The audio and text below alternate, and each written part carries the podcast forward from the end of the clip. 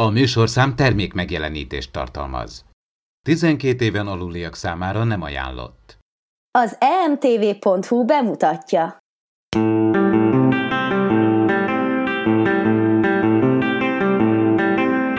Ez itt a Hírpulzus, az Impulzus Podcast külön kiadása. A fedélzeten Csaba, Attila, Dév és Ádám.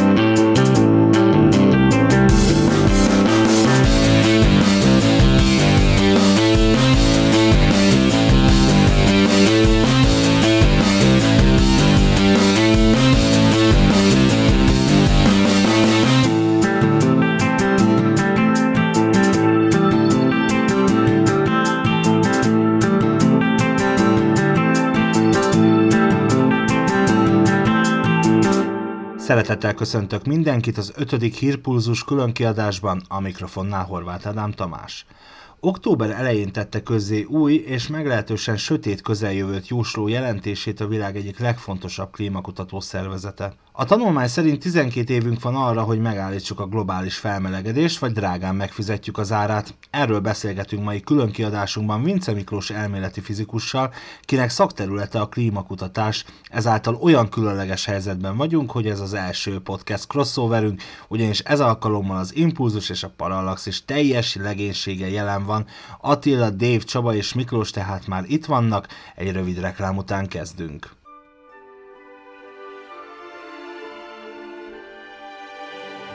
November 11-én egy napra megnyílik a csillagkapu a rajongók előtt. A Stargate Command Hungarian Site és az emtv.hu közös produkciójának köszönhetően a Temi fővárosi művelődési házában.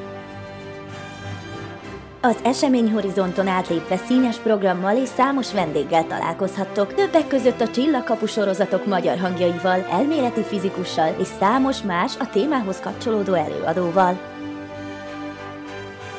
A rendezvényen látható lesz a cosplayes csapat új 70 négyzetméteres díszlete, egy hatak kapuszobája, benne a 4 méteres csillagkapuval, tárcsázóval, goault szállítóládákkal, körbevéve hieroglifákkal díszített falakkal. A díszletben pedig a csapat által biztosított jelmezekben fegyverreplikákkal és egyéb relikviákkal fotózkodhattok. Emellett csillagkapus társas játékokkal, Jaffa szimbólumfestéssel és szinkronizálási lehetőséggel várunk titeket. Hatos égzár kódolva november 11-én vasárnap délelőtt 10-től délután 5 óráig a 11. kerület Fehérvári út 47-ben. A belépés ingyenes. Az eseményt hatos égzár kódolva néven keresd a Facebookon.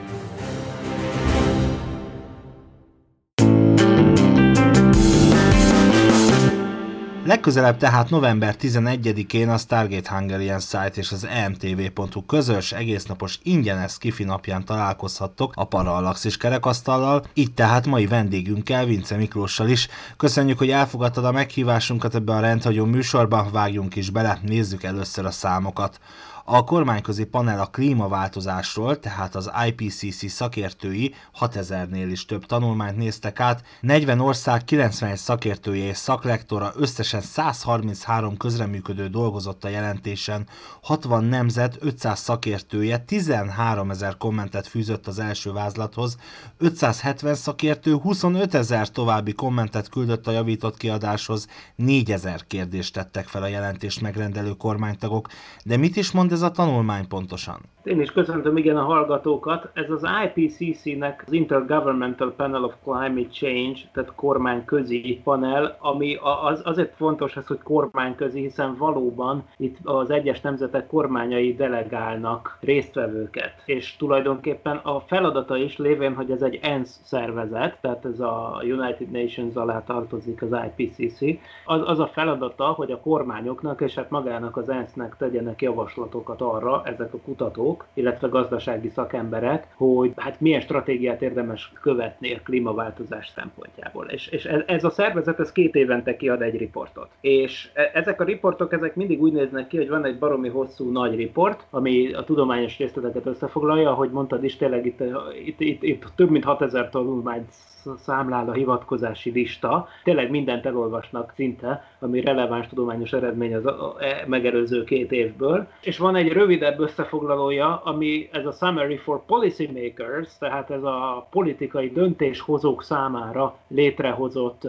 összefoglaló. Ez tartalmazza a dolognak a, tényleg az anzásított verzióját, és a magukat az egyszerűsített javaslatokat. Na most a helyzet, ami az elmúlt két évben változott, az ugye a tudományos kutatások tükrében, az az, hogy ahhoz, hogy a, hogy a nagyon-nagyon problémás kimenetelő eseményeket elkerüljük, ahhoz 2030-ra nem az a célunk, hogy két fokkal csökkentsük a globális felmelegedés mértékét, mert a két fok az már óriási problémákhoz vezet, tehát az az új eredmény, hogy már másfél fok és már visszafordíthatatlan következményekhez vezet. Most ez az új eredmény, mert eddig azt hitték, hogy 2030-ra, vagyis 12 év múlvára az, hogy a két fokos plafon alatt tartjuk a helyzetet, akkor azzal még úgy kb. kordában tartható a rendszer. Most az az újítás, hogy sajnos nem, hanem már másfél fok fölött kritikussá válik a helyzet. Mit is jelent ez? Ugye ez azt jelenti, hogy az ipari forradalmat megelőző időszakokhoz képest, vagyis az úgynevezett preindustriális szakaszhoz képest, jelenleg a Föld átlag hőmérséklete az körülbelül egy fokkal magasabb.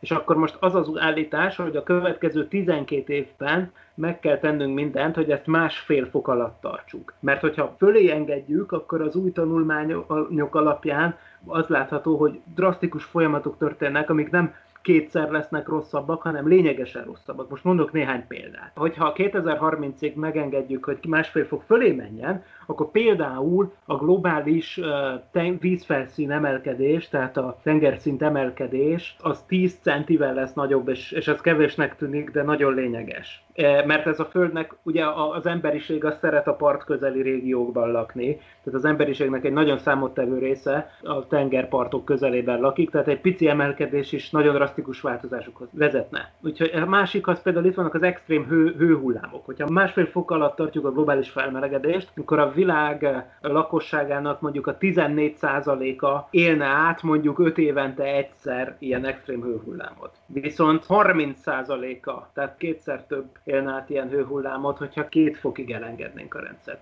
Aztán a legdurvább következmények egyike az például az északi sarki jégtakarót érinti. Ugye jelenleg is előfordul nagy ritkán, hogy vannak olyan nyarak, amikor teljesen eltűnik az északi sarki jégtakaró, de ez nagyon ritka, tehát jelenleg azt lehet mondani, hogy, hogy ez mondjuk, mondjuk mit tudom én, évszázadonként egyszer előfordul, és ez még így igaz, hogyha másfél fok alatt tartjuk, de hogyha elengednénk két fokra, akkor tízszer, tehát tízszer gyakrabbak lesznek a, az úgynevezett jégmentes nyarak az északi sarkon. Tehát ez természetesen a jeges macikat és bálnákat és fókákat és mindenkit érinti, és hát eleve az élővilágot érinti a legjobban, de persze a gazdaságot is. Tehát ezt mondani sem kell. Na most hát mi következik mindebből arra nézve, hogy hogyan kell nekünk viselkedni? Hát azt mondja a tanulmány, ez az igazán durva ránk nézve, hogy ugye eddig azt hitték, vagyis hát a két, a két fokos célhez, ami az eddigi cél volt, hogy a két fokos célt megtartsuk, ahhoz úgymond elég lett volna 2030-ig 20%-kal csökkenteni a széndiokszid kibocsátásunkat. De most, hogyha másfeles a cél, akkor 45%-kal kell csökkenteni 2030-ig a széndiokszid kibocsátást, és aztán 2050-ig szépen le kell menni exaktul nullára. Ami elég durva, mert a, mert a két fokos tanulmány esetén 2075-be kellett volna elérnünk azt a szintet, hogy nem bocsátunk ki semmi ipari széndiokszidot, most már 2050-re ezt el kell tudnunk érni. Ez igen durva következményekkel jár. És az, ennek az aránytalanságnak egyébként az az oka, hogy, hogy ez hogy egy ökölszabályszerűen kicsit leegyszerűsítve a helyzetet azt mondhatjuk, hogy ha a széndiokszid kibocsátásunk nagyon durván, gyorsuló ütemben nő, exponenciálisan nő, akkor az növeli egyenesen arányosan a klímát. Tehát az exponenciálisan gyorsan növekvő széndiokszid vezet a hőmérséklet lineáris növekedéséhez, vagyis nem egyenes arányosságban. De ez most visszafordítva van, tehát ha egy picit, picit csökkenteni akarjuk a hőmérsékletet, akkor ebből aztán ez következik, hogy nagyon durván csökkentenünk kell a széndiokszid növekedést is. Tehát most e, ez egy óriási teher, amiben természetesen egy csomó ország nem akar belemenni, ugye ismerjük Donald Trump álláspontját a kérdésben, és hát persze az Egyesült Államok a legnagyobb széndiokszid kibocsátó. Szerencsére Kína együttműködő, együttműködőbb ezekben a célokban jelenleg, de azért van némi reménysugár is, hála Istennek, ami szintén az elmúlt hetek egyik híre, hogy úgy tűnik, tűnik, hogy léteznek, és, és a vártnál hatékonyabban működnek majd olyan technikák, amikkel ki lehet vonni a légkörből széndiokszidot. És lehet, hogy ez a jövő, tehát hogy nem csak a kibocsátást csökkentjük, hanem aktívan a légköri széndiokszidot le tudjuk bontani, úgymond. Elképzelhető, hogy ez, ez a jövő útja, és valószínűleg erre is, meg arra is szüksége lesz ahhoz, hogy 2030-ra tudjuk ezt a másfeles szintet tartani. Mennyire tartott valószínűleg, hogy ez, ez működjön? Azért ugye Trump hát szóval nem tud viselkedni, és hát azért a, a, a, a lobby, a, a, az ipari lobby is elég magas, és ugye a kibocsátás is elég magas. Mennyi esélye van annak, hogy órá tudunk lenni ezen a káoszon? Nem tudom, mert most annyi minden összejött, tudod? Tehát az egyik az, hogy a, a túlnépesedés is éppen egy kritikus érték felé közelít a Földön, aztán a, természetesen a fosszilis üzemanyagoknak a kitermelése is egyre drágul. Tehát az ugye mindig fölfedeznek újabb és újabb lelőhelyeket, tehát ez nem igaz, hogy a Föld ki fog fogyni, csak belátható időn belül, viszont az nagyon is igaz, hogy, hogy, hogy lényegesen sokkal-sokkal drágább lesz mondjuk az olajkitermelés, vagy egyéb ilyen foszilis források kitermelése. Tehát, tehát, tehát mindezek a hatások együtt, az, hogy, az, hogy, hogy az emberiség lélekszáma az már lassan a 8 milliárdot közelíti, és egyébként kicsit úgy gondoljuk, hogy 12 milliárdra van a bolygó hitelesítve. És ugye exponenciális ütemben nő az emberiség lélekszáma is. Tehát itt, itt, itt mindenképpen több szempontból is azt látjuk, hogy a világ a következő évtizedeken belül, mit tudom én, én azt mondom, hogy 30 éven belül mindenképpen drasztikusan meg fog változni. Természetesen nem gondolom, hogy ez egy békés folyamat lesz. Tehát én nem gondolom, hogy ezt kordában lehetne tartani.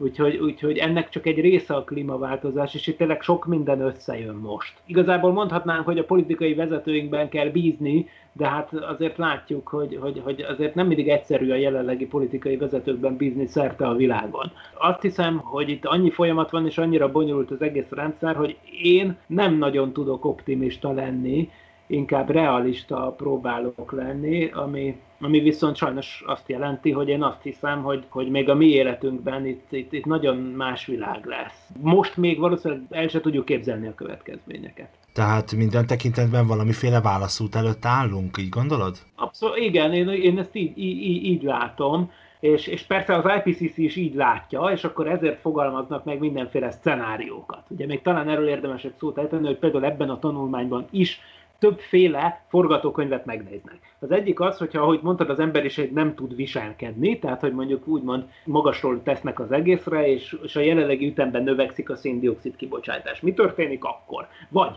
mi történik akkor, hogyha mondjuk tudnak annyira viselkedni, hogy megreked a széndiokszid kibocsátás a jelenlegi szinten? Például. Az, aztán van a elvárt jó forgatókönyv, amikor lecsökken 45 fokkal, ugye erről már beszéltünk, vagy a 45%-kal, bocsánat, tehát a 45%-kal lecsökken, akkor ugye el tudjuk érni ezt a másfeles, másfél fokos célt. És akkor megvizsgálnak több ilyen, több ilyen szenáriót. De akkor ezekben a modellekben mind beletesznek mindenféle olyan egyéb modellt, amit egyébként csak közelítenek, tehát beletesznek olyan dolgokat, persze előrejelzéseket a világgazdaság fejlődésére például. Mert nyilván a széndiokszid kibocsátás az nagyon erősen össze van kapcsolva azzal, hogy hogyan fejlődik a világgazdaság. Na most ezt ugye jól tudjuk, hogy milyen nehéz ezt előrejelezni, lásd az éppen tíz évvel ezelőtt gazdasági világválságot, amit körülbelül öten láttak előre az egész világból, és azokra se hallgatott senki. Igaz? Tehát, hogy, hogy itt egy olyan végtelen bonyolult rendszerről van szó, hogy már önmagában az is, az is egy ilyen nagyzolás, vagy az is tulajdonképpen egyfajta hübrisz, hogy azt hiszik bárki, hogy ezeket a folyamatokat előre lehet jelezni. Az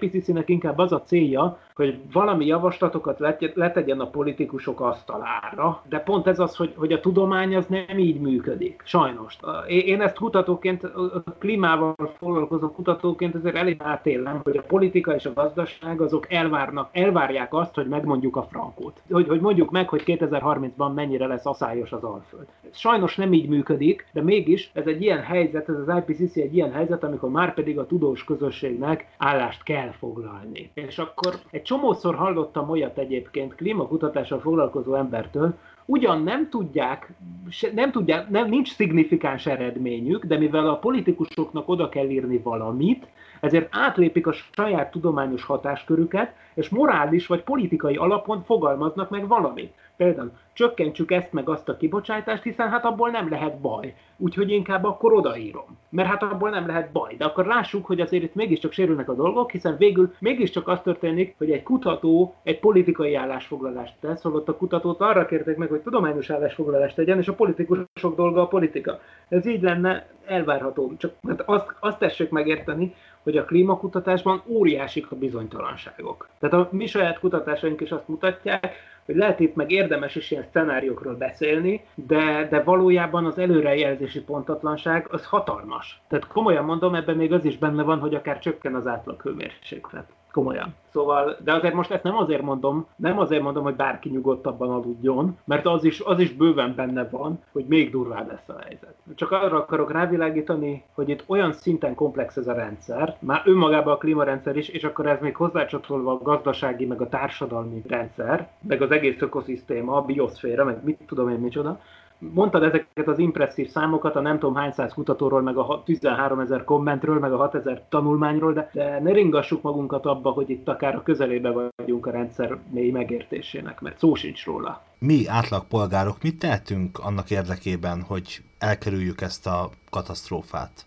Én azt hiszem, hogy, hogy tulajdonképpen az energiatudatosság az mindenképp egy jó dolog, mert a klíma, klímában tényleg óriásik a jósla, jóslási bizonytalanságok, viszont amit mondtam, hogy a természetes erőforrások kitermelése az egy válságban van, az, az, az biztos. Tehát, hogy azt biztosan lehet tudni, hogy az a jelenlegi habzsi-dőzsi, amit a nyugati civilizáció művel, mind a szemét kibocsátás terén, mind pedig az energia kinyerési módszerek terén, az egyszerűen nem tartható. Tehát valóban azt hiszem a társadalom bizonyos szempontból miközben egyre globálisabbá válik, de ez társulni fog egy olyan trendhez, ami mégis inkább afelé megy, hogy az emberek a lokális dolgokat részesítsék előnyben, ha lehet. Tehát például lokálisan termeljük meg az energiát, lokálisabban termeljük meg a javakat, stb. stb. stb.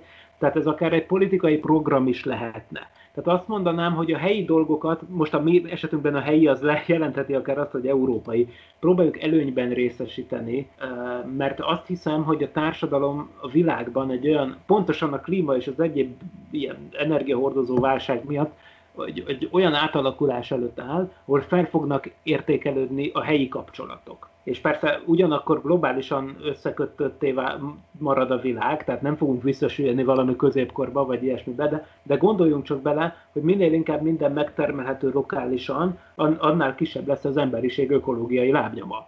Tehát nem kell repülővel és hajókkal és én nem tudom mivel a világ másik pontjáról például idehozni azt a terményt, amit itt is meg lehet termelni, meg ilyenek. Tehát, hogy, hogy, és ugyanezt természetesen a zöld energia forrásokért én maximálisan lelkesedek, annak ellenére, hogy jelenleg még távol vagyunk attól, hogy csupán megújuló energiaforrásokkal az alapellátást biztosítani tudjuk Európa szinten. De ennek elsősorban technikai akadályai vannak még. De azért ezek jó kezdeményezések, a napelem telepítés az jó dolog, például, vagy a szélkerék telepítés, annak ellenére, hogy ez még csak tartalékeljárást tud jelenteni. Én speciál, ha már itt tartunk, én speciál atomellenes sem vagyok, mert, mert energiaforrás válság tekintetében még mindig magasan az atom a legjobb, olyan értelemben, hogy a legkisebb az ökológiai lábnyoma ahhoz képest, hogy tud alapellátást biztosítani. Nekem egy javaslatom lenne, mit szólnál Miklós ahhoz, hogyha csinálnánk egy mesterséges intelligenciát, és minden termelést, meg minden kibocsátást becsatornáznánk egy nagy szabályozó rendszerbe,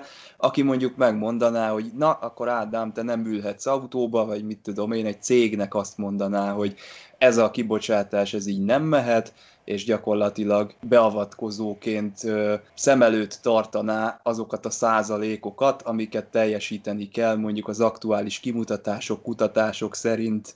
Nagyon elrugaszkodott ez? Nem, nem elrugaszkodott, viszont szerintem ez a legsötétebb disztópia. Tehát, hogy ez a legdurvább és valóban szerintem is afelé tartunk, hogy az emberiség hosszú távon, ha nem vigyáz, akkor egy olyan diktatúrában köthet ki, amit egy mesterséges intelligencia irányít, és a most bevezetett kínai rendszerhez nagyon hasonlóan kvótákat és jogosultságokat és büntetéseket ad az állampolgároknak, például ilyen, ilyenek alapján. És Sajnos... lehet ez az egyetlen esélyünk? Tehát, hát, hogyha úgy tesszük fel a na, kérdést, hogy vagy, vagy megmaradunk, vagy ez, akkor, akkor mi lenne a... Hát én, én mernék abban bízni, hogy azért nem ez az egyetlen esély, de azt kell, hogy mondjam, hogy évről évre egyre realisztikusabbnak és egyre valószínűbbnek tűnik, hogy valami nagyon hasonlóhoz tartunk. De nem lelkesedek ezért, ha szabad.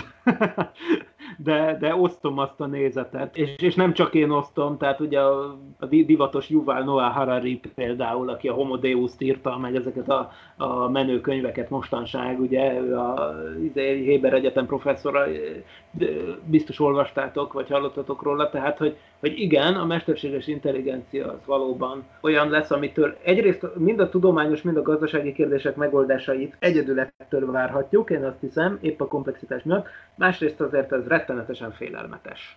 Tehát hamarosan elérjük azt is, hogy nem mi leszünk a legokosabb lények a bolygón, és persze a Douglas Adams fanok mondják rögtön, hogy persze eddig is itt voltak az egerek meg a delfinek, de most viccen kívül tényleg nem mi leszünk a legokosabb lények a bolygón, és hát remélem, hogy ez segíteni fog nekünk, és, és nem egy negyedik pontként jelenik meg a krízis oldalon. Tehát ugye a növekvő populáció, a klíma, meg az erőforrások elfogyása mellett nem egy negyedik faktor lesz, hanem egy minket segítő oldalon jelenik meg, de hát nem vagyok optimista ebben se. Pedig alapjában véve egy tök optimista és jókedvű ember vagyok. Tehát egyszerűen csak azt érzem, hogy a realitások sajnos nem e felé tartanak. Mondtad, Miklós, hogy itt nagy az előrejelzésnek a pontatlansága egyáltalán. Hogy lehet egy ilyen komplex rendszert ennyire pontosan előrejelezni, tehát hogy most már ilyen pontos számokról beszélünk, vagy relatív pontos számokról, és a másik az skeptikus oldalról a megközelítése, hogy mi van, ha mindez egy olyan folyamat, amihez majd alkalmazkodik a, a bioszféra, maximum csak csökkennek mondjuk a, az embernek komfortos zónák, és igazából lehet, hogy néhány százezer, százezer évenként ez lezajlik, tehát ilyen globális emelkedések, csökkenések, jégkorszakok és emelkedések, mert az ipari forradalom előtt nem jegyezte ezek az adatokat senki. Tehát uh-huh. van olyan kimutatás, ami alapján még hosszabb távon tudnánk előrelezni, hogy mondjuk, mondjuk ezer éves Igen. távlatokra. Szívemből szóltál. Most egy kicsit az utolsóra reagálnék először. Tehát onnan tudjuk, hogy a klímaváltozása valóban a klímaváltozás az ipari forradalom előtt nem jegyezték ezeket az adatokat, ez tény. Viszont a paleoklimatológia az egy külön tudomány, tehát például jégfuratokból és egyéb valamikből több millió évre visszamenőleg lehetséges elég nagy pontossággal globális átlag hőmérséklet idősorokat rekonstruálni. Ez ma már tudományosan elfogadott tény. És valóban abban vannak fluktuációk, például az általad említett százezer éves skálán is. Például a jégkorszakok jellemzően valóban százezer éves skálán követik egymást, és valóban az is egy tény, hogy jelenleg épp egy interglaciális szakaszban vagyunk, tehát éppen a legutolsó jégkorszakból jövünk kifele. Tehát ilyen értelemben az, hogy globális felmelegedés van, az tulajdonképpen normálisnak is mondható. Ez az egyik dolog. És akkor a másik dolog pedig az, hogy, hogy hogy lehet ettől mégis külön választani az antropogén hatást, az, az embernek a hatását, és akkor valóban itt jön a kérdés, ami összekapcsolódik azzal, amit szintén kérdezték, hogy ezt hogy a túróba lehet ilyen pontossággal tudni. Hát nem lehet ilyen pontossággal tudni, hanem az történik, hogy van egy csomó klímamodell, amit az emberek azt csinálják, hogy, hogy rengeteg, az egész földet modellezik tulajdonképpen egy óriási számítógépes szimulációban, és ezekben a szimulációkban persze a klíma, vagyis az időjárás és a tengerjárás folyamatait leíró egyenletek vannak benne. Na most az az érdekes, és az a szkepticizmusra az egyik ok, hogy, hogy valóban ezek az egyenletek csak részben ismertek, és egy csomó esetben az egyenletekre csak behasalt közelítések vannak ott, azért ez több, mint behasalás, de nem ismerik az igazi fizikai törvényszerűséget egyszerűséget, hanem éppen az elmúlt időszak, mondjuk az elmúlt néhány évtized alapján felállítanak egy egyenletet tapasztalati alapon. Például, hogy az aeroszol mennyiség az hogyan függ össze az én nem tudom lokális hőmérséklettel. Most mondtam valamit, vagy a felhőképződés fizikájában van egy csomó minden, amit nem értenek meg. És akkor ezekre ilyen tapasztalati összefüggéseket beletesznek. Na most ezzel csak az a baj, ahogy, ahogy gondolhatjátok is, hogy bizony az baj ezekkel a modellekkel, hogy senki nem szavatolta, hogy azok az összefüggések, amik mögött nincs mély fizikai megértés, csak tényleg ilyen tapasztalati összefüggés, egyáltalán nem biztos, hogy az ugyanolyan marad, hogyha változik a klíma. Tehát lehet, hogy maga a klímaváltozás magával hozza azt is, hogy az az egyenlet amúgy máshogy néz neki, és akkor az egész előrejelzés hülyeség. Na, Úgyhogy ilyenek persze vannak benne, ezek igen komoly problémák, hát ezért vannak klímakutatási konferenciák, stb. stb. De azért mégiscsak valamennyire lehet validálni ezeket a számítógépes szimulációkat, és még pedig úgy, hogy nagyon egyszerű, hogy egyszerűen kicserélnek egy előjelet, az idő lépést meghatározó delta t helyett egyszerűen mínusz delta t írnak be, vagyis elkezdik ezeket a differenciál egyenleteket időben visszafelé futtatni. Tehát kiindulunk a jelenlegi állapotból, és akkor pont mondtam, hogy már megvan több évszázadra visszamenőleg, sőt, bizonyos értelemben millió évekre visszamenőleg ez a klímaidősor, és akkor elkezdjük visszafelé futtatni, visszakapjuk-e azt, ami volt. Ezt ugye tudjuk ellenőrizni. Tehát az egyenletet visszafelé is lehet futtatni, és akkor azt mondják, hogy az a szimuláció, ami visszafelé jól tudja produkálni, mondjuk, hogy milyen idő, milyen volt a klíma 1950-ben, akkor az elég jó ahhoz, hogy megmondja nekünk, hogy milyen lesz az idő 2030-ban. De erre mondom, hogy ez továbbra sem, továbbra sem egyértelmű, hiszen ebben még mindig benne lehet az, hogy tudom, magasabb koncentrációk mellett, mert más összefüggések lesznek érvényesek, mint amik eddig érvényesek voltak. Tehát ez mindig benne. Tehát ezért mindig van egy ilyen bizonytalanság, de ezek azt csinálják itt egyébként, hogy sok modellt lefuttatnak, és a modell futtatásokból lesz egy átlag. Tehát már maguk a modellek is más eredményt adnak, ez tök vicces, de így van. Tehát lefuttatnak ezer modellt. Mindegyik egy kicsit más paraméterezéssel, tehát mindegyikben egy kicsit más, hogy vannak benne például ezek az empirikus összefüggések.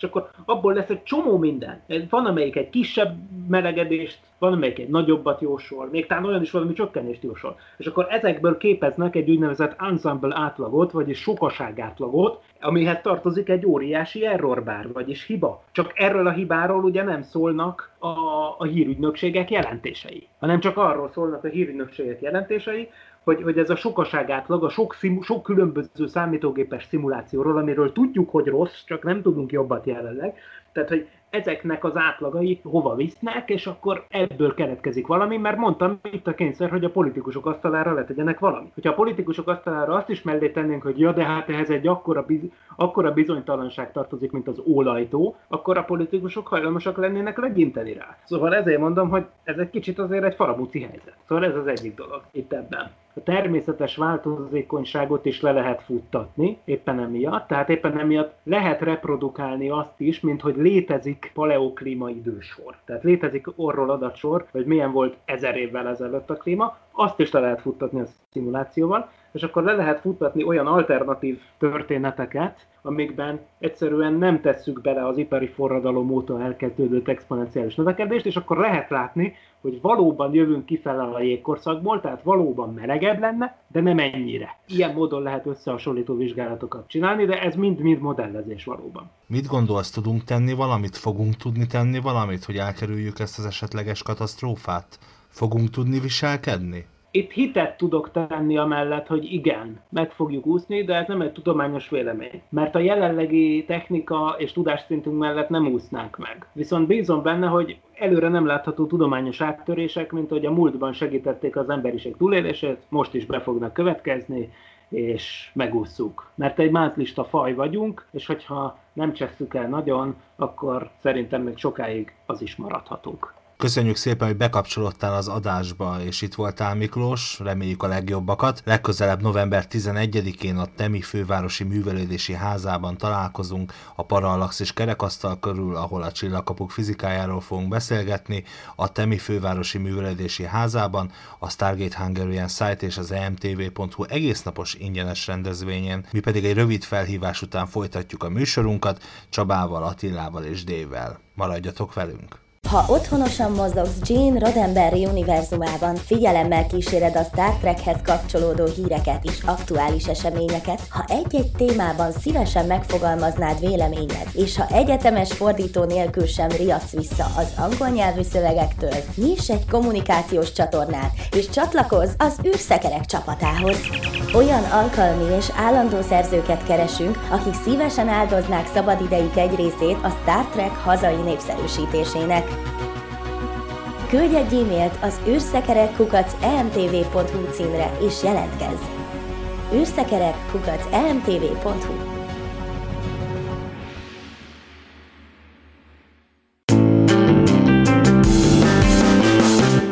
Na hát, fiúk, mind meghalunk. Mi a véleményetek arról, amit Miklós elmondott? Továbbra is ez van bennem, hogy, hogy mi van, ha a Földnek mégiscsak van egy olyan erős regenerációs képesség, hogy az ember az csupán egy szúnyogcsipés, és majd lehet, hogy az ember is eltűnik, vagy azok az emberek, vagy az a faj eltűnik, akinek nem jó a plusz két fok hőmérséklet, és maradnak azok, akiknek mondjuk jó. Vagy folyamatosan átalakulunk, lásd bőrpigmentáció, vagy bármi, hogy például elviseljünk egy, egy szárazabb, vagy magasabb levegőt, vagy magasabb hőmérsékletet. Hát igen, de erre 30-40 év elég lesz, hogy evolúciós úton védekezzünk a változások ellen, nem nagyon hiszem. És sajnos az, amit a Miklós elmondott, hogy mekkora devianciák és szórások vannak egy-egy modellezésben, illetve egyenletben, mennyi minden befolyásolja ezt az egészet. Lehet, hogy tudományosan ugye nem tudunk megnyugtató dolgokat mondani, és igazából én kétfajta állásponttal találkozok mindig. Ugye az egyik ez a szúnyogcsípés elmélet, hogy mi emberek itt nem nagyon befolyásoljuk, vagy nem annyira befolyásoljuk a klímát, mint amennyire gondoljuk. A másik véglet az pedig az, hogy rettentő módon felelősek vagyunk azért, amiért számunkra megszűnik komfortosnak lenni a Föld. Gyakorlatilag nem nagyon látok józan gondolkodást, egy olyan középutat, ami kicsit vissza tudna lépni, és azt tudná mondani, hogy srácok, ne, ne ennyire gyorsan, ne, ne, ne vonjunk le rögtön ilyen következtetéseket, úgyhogy nekem ilyen szempontból tetszett a Miklósnak a véleménye. Ugye itt, amit én is pedzegettem, amit a Miklós disztópiaként értékelt, az ugye a kényelmünknek a feladása, és a, és a komfortunknak a, a teljes eldobása. Fajulhat-e odáig a helyzet, hogy szükség legyen erre, hogy ennyire kétségbe esett válaszokat szüljünk erre a lépésre. Hát igazából ezt kéne szerintem kitalálni, mert lehet, hogy amíg kényelemben élünk, addig nem fogunk tenni semmit. Meg azért ott van 2063, és mennyire ciki lenne, ha nem tudna leszállni ez a vulkáni űrhajó, mert éppen olyan viharton volna Montana fölött a szélsőséges globális felmelegedés miatt. Az, az megmentetted a dolgot, mert nem telt el most akkor Star Trek nélkül, hírpulzus, mert alapvetően az impulzus az egy Star Trek-es műsor, és most nagyon elkanyarodtunk a mi fő profilunktól, de ezzel a kis beszúrással szerintem visszahoztad oda, ahova eredetileg tartozunk. Nem mintha baj lenne, hogy ilyenekről is beszélgetünk. Úgymond a kényelemről idézőjelbe véve nem kellene lemondanunk. Mert figyelj, azért, hogyha tudat, divatos szóval tudatosan próbáljuk azért átalakítani az életünket, akkor nem kell mindenről lemondani. Most azt mondom, napenergia, geotermikus energia, meg hasonlók, azért azok, azokkal sok mindent ki tudunk váltani, amit, ami egyébként energiapazarló dolog, hőszigetelése, stb. stb. ami nem elég az, hogy eldöntsük akár a politikusok, hogy na már pedig akkor széndiokszid kibocsátás, akkor nuku, hanem akkor tényleg az embernek a fejébe szó szerint bele kellene verni. Tényleg komoly dolgok vannak, és lehet, hogy az unokáid vagy megsülnek, vagy nem kapnak elég, elég oxigént, és ott fognak fetrengeni a földön levegő hiányba. Tényleg az embereket kellene nevelni. Ez lesz a nagy, nagyon nehéz. Ez egy jó gondolat, mert ugye ha van egy elég szofisztikált szabályozó rendszerünk, akkor én nem csak egy ilyen fasiszta, mesterséges intelligenciát tudok elképzelni, hanem mondjuk egy olyan szisztémát, ami abszolút figyelembe veszi az emberi kényelmi szempontokat is. Hát ha megnézem mondjuk a Star Trek-et is, mondjuk a Voyager-be a Night című epizód, ott is ott van, hogy ugye bár a plazmát, meg a felesleges anyagot kiszórják egy olyan helyre, egy, a melon kultúra. És akkor ott Csekoti is elmagyarázza meg Belanna, hogy ők tulajdonképpen a plazmát nem egyszer használják, hanem újra recirkulálják a rendszerbe, egyrészt energiát nyernek, másrészt pedig nincsen szennyezőanyag. Tehát egyébként ezek a hajókat, ha megnézzük a csillagflotta hajóit, nézd meg luxushajók, de ez tudatosan a háttérben viszont egy igen komoly energiatakarékos tudatosságban. Hogy azért a környezettudatosságra rá lehetne venni az embereket, anélkül, hogy az életszínvonalunkból engednénk. Csak a felesleges kiadásokra kéne megtanítani az embereket, hogy azokat az felejtsék el ezt a mindegy, hogy csak minél gicsesebb legyen, pukkadjon meg a szomszéd. Ha a szomszédnak van három zenélőszökőkutya, akkor nekem legyen öt. Tehát erre kéne az embereket ránevelni. És nem is lenne nehéz, gondoljatok az izzó kivonására, 100 wattos izzót már, hagyományos izzólámpát már nem lehet kapni, a boltokban, sőt már ugye ezek az úgynevezett kompakt izzók, fénycsövek is eltűnnek, és a lednek adják át a helyüket, amik gyakorlatilag iszonyú hatékonysággal működnek ahhoz képest. Ez a pazarlás például ilyen nagyon is kézzelfogható szinten is működik. Passzív házak, napelemtáblával szeret házak, ahol már a visszatáplálás is szóba kerül, tehát nem is az, hogy a saját ellátására elég, hanem vissza is tud táplálni. Ugyanúgy a járműveknél is már ez lassan kezd fölmerülni. Például a mai Magyarországon közlekedő budapesti elővárosi vonatok fékezéskor visszatáplálnak a hálózatba. Ugyanis azt ne felejtsük már el, itt mondjuk azt, hogy gőzmozdony, dízelmozdony, jaj, de jó, hogy most már mindenütt villanymozdony, mozdony, villamos van, hát brutálisan sok energia kell a villamos közlekedési eszközökhöz, és azt mind még azért hát vagy atom, vagy inkább még máshol hagyományos erőművek termelik meg, tehát azért még mindig nem vagyunk ott. Ráadásul ugye ott vannak az újonnan iparosodó országok, tehát folyamatosan jön fel Afrika, ahol hatalmas tömegeknek kell elektromos áramot biztosítani, tehát ott is a, a ipari forradalom megfelelő lépcsőfoka lép, ugye egy-két évtizedes vagy éves eltródással, hatással, és szépen óriási tömegeknek kell energia, és ott még azért vannak fosszilis források is, tehát nem mindenüve dobálják tele az országot, mint mondjuk Indiában atomerőművekkel, tehát bizony még bőven lesznek szabályozatlan, tehát pont azt most arról beszélünk, hogy az USA-t fogjuk vissza, meg a nagy ipari országokat, Afrikát kell visszafogni például a pazarló energiatermelés tekintetében, mert ő fog nagyon feljönni, és lesz még mit tenni, mert új, új problémák is jelentkeznek. Az HBO nagyon fantasztikus sorozatában, a newsroomba, a híradósokba. Van egy olyan epizód, amikor az EPA aligazgatója, tehát az amerikai környezetvédelmi felügyelőség aligazgatója bemegy a, a híradó stúdióba, és egy interjú során azt mondja, hogy hogy igazából mindegy, hogy mit csinálunk, itt a vég. Áthaladtunk azon a, azon a ponton, amikor ez visszafordítható lett volna. És két kérdésem van hozzátok. Az egyik az, hogy szerintetek mi az, ami fölrázná az embereket, hiszen most is történnek borzasztó természeti katasztrófák, amik jobbára a, az extrém klímaváltozás hatásának tudhatók be.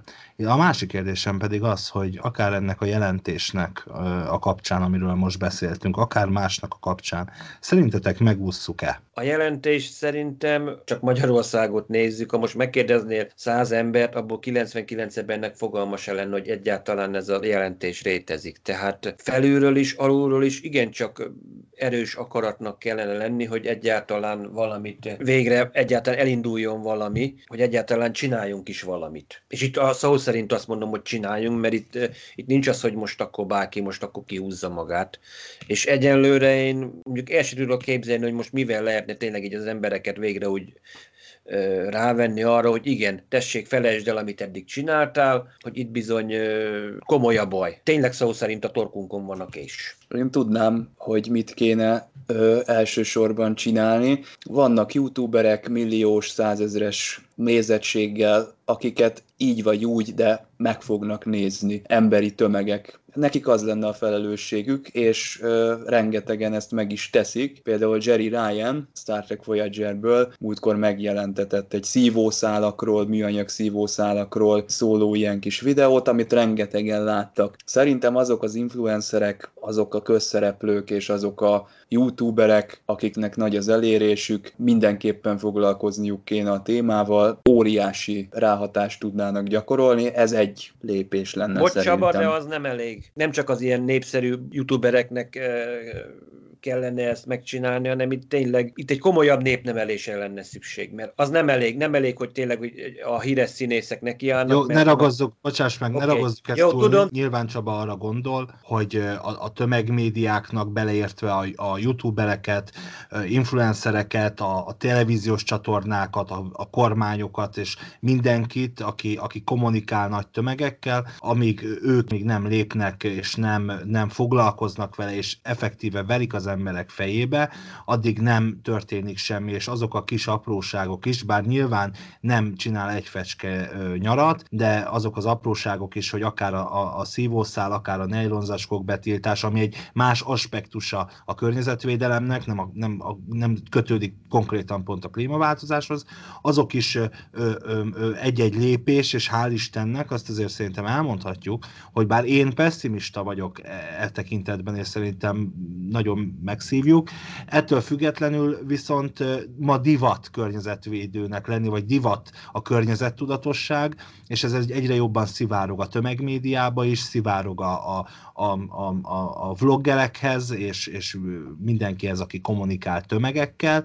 Mi is beszélünk róla, mi is tömegekkel kommunikálunk, mi is elmondjuk, hogy fontosnak tartjuk, és itt ebben talán ez a lényeg, csak talán az időn kevés. Kevés, mert egy, tényleg egy generációnak fel kéne nőni, de állandóan súlykolva van, hogy tényleg, hogy itt bajba vagyunk. Csak ez nincsen súlykolva, vagy tényleg itt azt kellene, hogy te is mondod, de egyébként egyetértek veled, hogy tényleg itt meg fogjuk szívni kegyetlenül. Nincs mese, itt már már nem tegnap, tegnap előtt el kellett volna kezdenünk gondol, nem csak gondolkozni, hanem már ténylegesen tenni. Nem csak vakarnunk a fejünket, hogy na most mit, mit lehet tenni, hanem már tényleg már tegnap előtt el kellett volna kezdeni.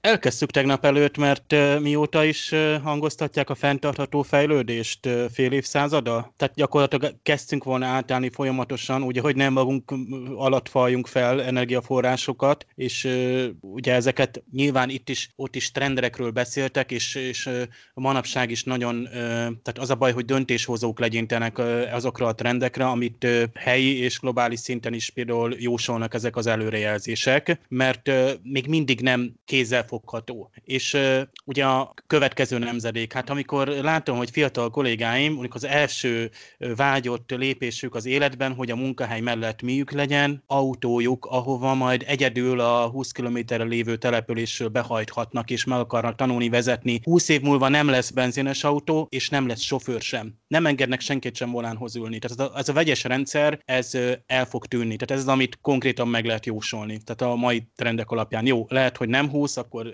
50, de akkor is az ő unokáik már nem fognak vezetni, és nem kell vezetniük, és biztos, hogy nem benzines autók. A dízeles meg pláne nem. Tehát ezt már a németek elkezdték megcsinálni, például a dízeles autók egy bizonyos típusát, a szépen egyszerűen kitiltják. Kitiltják városokból, városrészekből, és, és tehát egyszerűen ilyen drasztikus megoldások kellenek, hogy például most jelenleg annyi a drasztikus, hogy mondjuk szereld át az autódat, vagy ha bizonyos típusú autód és bizonyos károsanyag kibocsátási osztályba tartozol, akkor, akkor bizony neked ilyen és ilyen átszerelés ö, szükséges, hogy, hogy megfeleljél. Nyilván már ez is 25. órába történő lépés, de akkor is, tehát vagy a előbb említett izzó kivonás. Ugye Csaba meg említette ezeket a vegyes rendszereket, hogy addig még mindig rossz a helyzet, amíg mondjuk vegyes rendszerek vannak, lásd múltkor említett ugye önvezető autó és élő sofőrök, ugyanúgy a energiatakarékos szágoldanak a zöld számos autók, vannak már ugye elektromos töltőállomások, de megint visszatérek oda, elnézést ismétlem magamat, hogy azt az energiát meg kell termelni, tehát amivel az elektromos autódat üzemeltetett. Ha most hirtelen mindenki elektromos autóra váltana, akkor akkora elektromos áramigénye lenne csak az országnak, hogy egyszerűen nem tudnánk fedezni, és mondjuk Ukrajnából kéne elektromos áramot behozni. Ugye a gáz után az már nem biztos, hogy annyira pozitív dolog lenne, vagy pedig itt elkezdeni tényleg fölépíteni további atomerőműveket, ami még egyébként még mindig jó megoldás, ha tényleg a, annak a felügyeleti rendszere is, és mindaz, ami olyan tényező, ami egyébként tényleg a legtiszta, a legzöldebb még mindig az atom. És a vízerőművektől is zöldebb az atom, ezt el kell mondani, mert elavult a vízerőműveknél egy csomó károsító tényező van, van csak az átalakítás, illetően mondjuk egy mederrel terelés és egyéb drasztikus módszerek. Azért, ha ezt egy Greenpeace aktivistának mondod, mindenképpen legyen nálad fézer. Hát az biztos, az atomenergiát meghallják és megőrülnek. Mert jó, az atomenergiánál is azért ott is... De mondj hatékonyabbat. Fúzió. Például a fúzió igen, majd, majd, majd. majd de addig igen, de ez már csak másod. 30 éve szórakoznak vele, tényleg azt mondom, hogy azért a régi deltákban azért láttátok, ott is az volt, hogy nincs csak, hogy na, elkészül a nagy fúziós reaktor, és akkor előbb-utóbb az energiát is fog kért elmenni. Az, hogy, az, hogy még mindig az a energia, még szinte az, még mindig az a legtisztább, és úgymond azt mondom, a leghatékonyabb egyenlőre. A hatékonyság hát, itt van. Tehát amikor oda jutunk, az... hogy a, a Star Trekben a szuper hatékony energia előállítás egyébként honnan veszi a föderáció az energiáját, azt egyébként leírta valaki valamelyik sorozatban? Ha mindegy. Tehát ha eljutunk odáig, hogy képesek vagyunk kvázi végtelen mennyiségű, vagy a szükségleteknek biztos, hogy megfelelő, bármennyi mondjuk 12 milliárd embernek a szükségletét kielégítő energiát előállítani, és, és az nem kerül olyan pusztításba és pénzbe, és nem, nem pénzbe kerül, és az energiából aztán képesek vagyunk hatékonyan átalakítani, tehát úgymond a termelést is felgyorsítjuk, és mondjuk nem élőállat vagy növény pusztításával kell mondjuk élelmiszert elhajtani, lásd replikátor, ha azt a kettőt összerakjuk, csak ez a kettő technológia, akkor már is megoldottál mindent, az éhénységtől egészen a, a bűnözésig, mert gyakorlatilag ha energiád van, és ellátsz egy embert, úgymond ingyen el tudsz látni fényjel, meleggel, élelmiszerrel, akkor gyakorlatilag onnantól már megindulhat az a világ, amit a Star Trekben olyan utopisztikusnak gondolunk, úgymond a feneked alá teszik a minden alapvető emberi szükségletet nulláért. Tehát ha amikor a rezsid nulla lesz, mert olyan hatékony energiatermelésen, energiaforráskon csücsülsz, akkor lehet beszélni arról, hogy akkor kezdjük az emberi nemes eszméket kiművelni, és kezdjünk mondjuk csillaghajókat fejleszteni. Köszönjük, hogy hallgattatok minket, és ne felejtjétek, november 11-én személyesen is találkozhatunk a hatos égzár kódolva nevű eseményen, a Parallaxis Podcast pedig hamarosan a második évadával tér vissza, és nagyon izgalmas vendégekkel készülünk, figyeljétek oldalainkat, olvassatok sok űrszekereket, ha tetszett, lájkoljatok minket, csatlakozzatok a közösségi flottánkhoz, és feltétlenül hallgassátok meg az Impulzus Podcast soron következő, az eredeti sorozat Aréna című epizódjáról szóló kibeszélőjét is, tudjátok, ez az a bizonyos gornos rész. Köszönöm Attilának, Dévnek, Csobának, és természetesen Vince Miklósnak a közreműködést, további kellemes podcast hallgatást kívánok mindenkinek, és ne felejtjétek, a podcast annyira tökéletes, hogy kép sem kell hozzá. Sziasztok!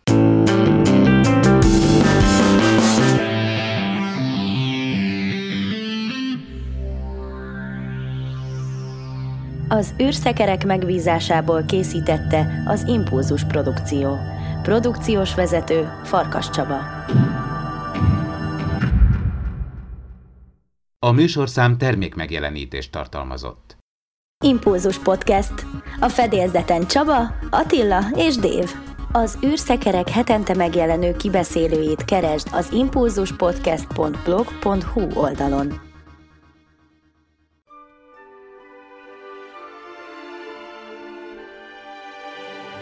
November 11-én egy napra megnyílik a csillagkapu a rajongók előtt. A Stargate Command Hungarian Site és az emtv.hu közös produkciójának köszönhetően a Temi fővárosi művelődési házában.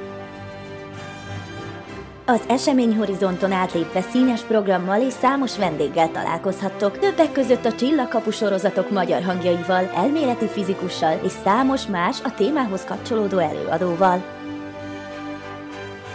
A rendezvényen látható lesz a cosplayes csapat új 70 négyzetméteres díszlete, egy hatak kapuszobája, benne a 4 méteres csillagkapuval, tárcsázóval, goa'uld szállítóládákkal, körbevéve hieroglifákkal díszített falakkal.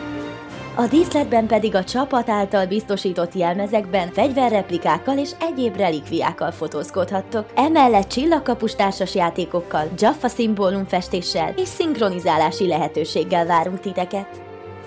Hatos égzár kódolva november 11-én vasárnap délelőtt 10-től délután 5 óráig a 11. kerület Fehérvári út 47-ben. A belépés ingyenes. Az eseményt hatos égzár kódolva néven keresd a Facebookon.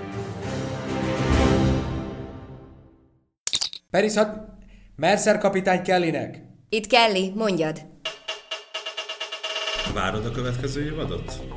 Igen, én tökre szerettem ezt. Szerintem, szerintem ez egy jó, jó munka, jókat nevetünk közben, úgyhogy én szeretem ezt a munkát, abszolút. Mondjuk szolgálnál-e az ex-feleségeddel a hídon? Nem lenne egyszerű. Parallaxis.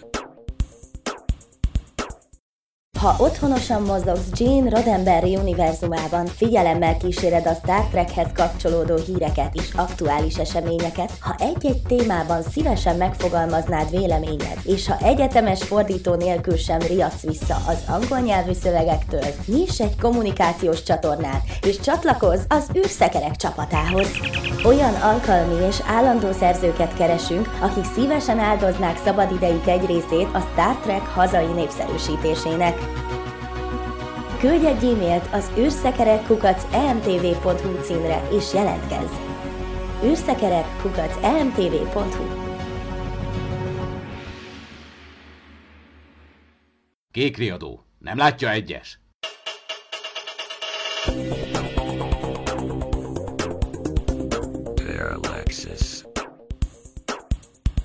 Üdvözlünk mindenkit a Parallaxis tud... Ah, várjál, olyan hangosan üdvözöltem mindenkit. Én kérek elnézést. Szerintem egy picit elmegyek vizet inni. Impulzus meghajtással közeledik Dave, Hú, ez tényleg jó? az Impulzus Podcast házi de, de, de, Diana. Ez már megvan, ugye?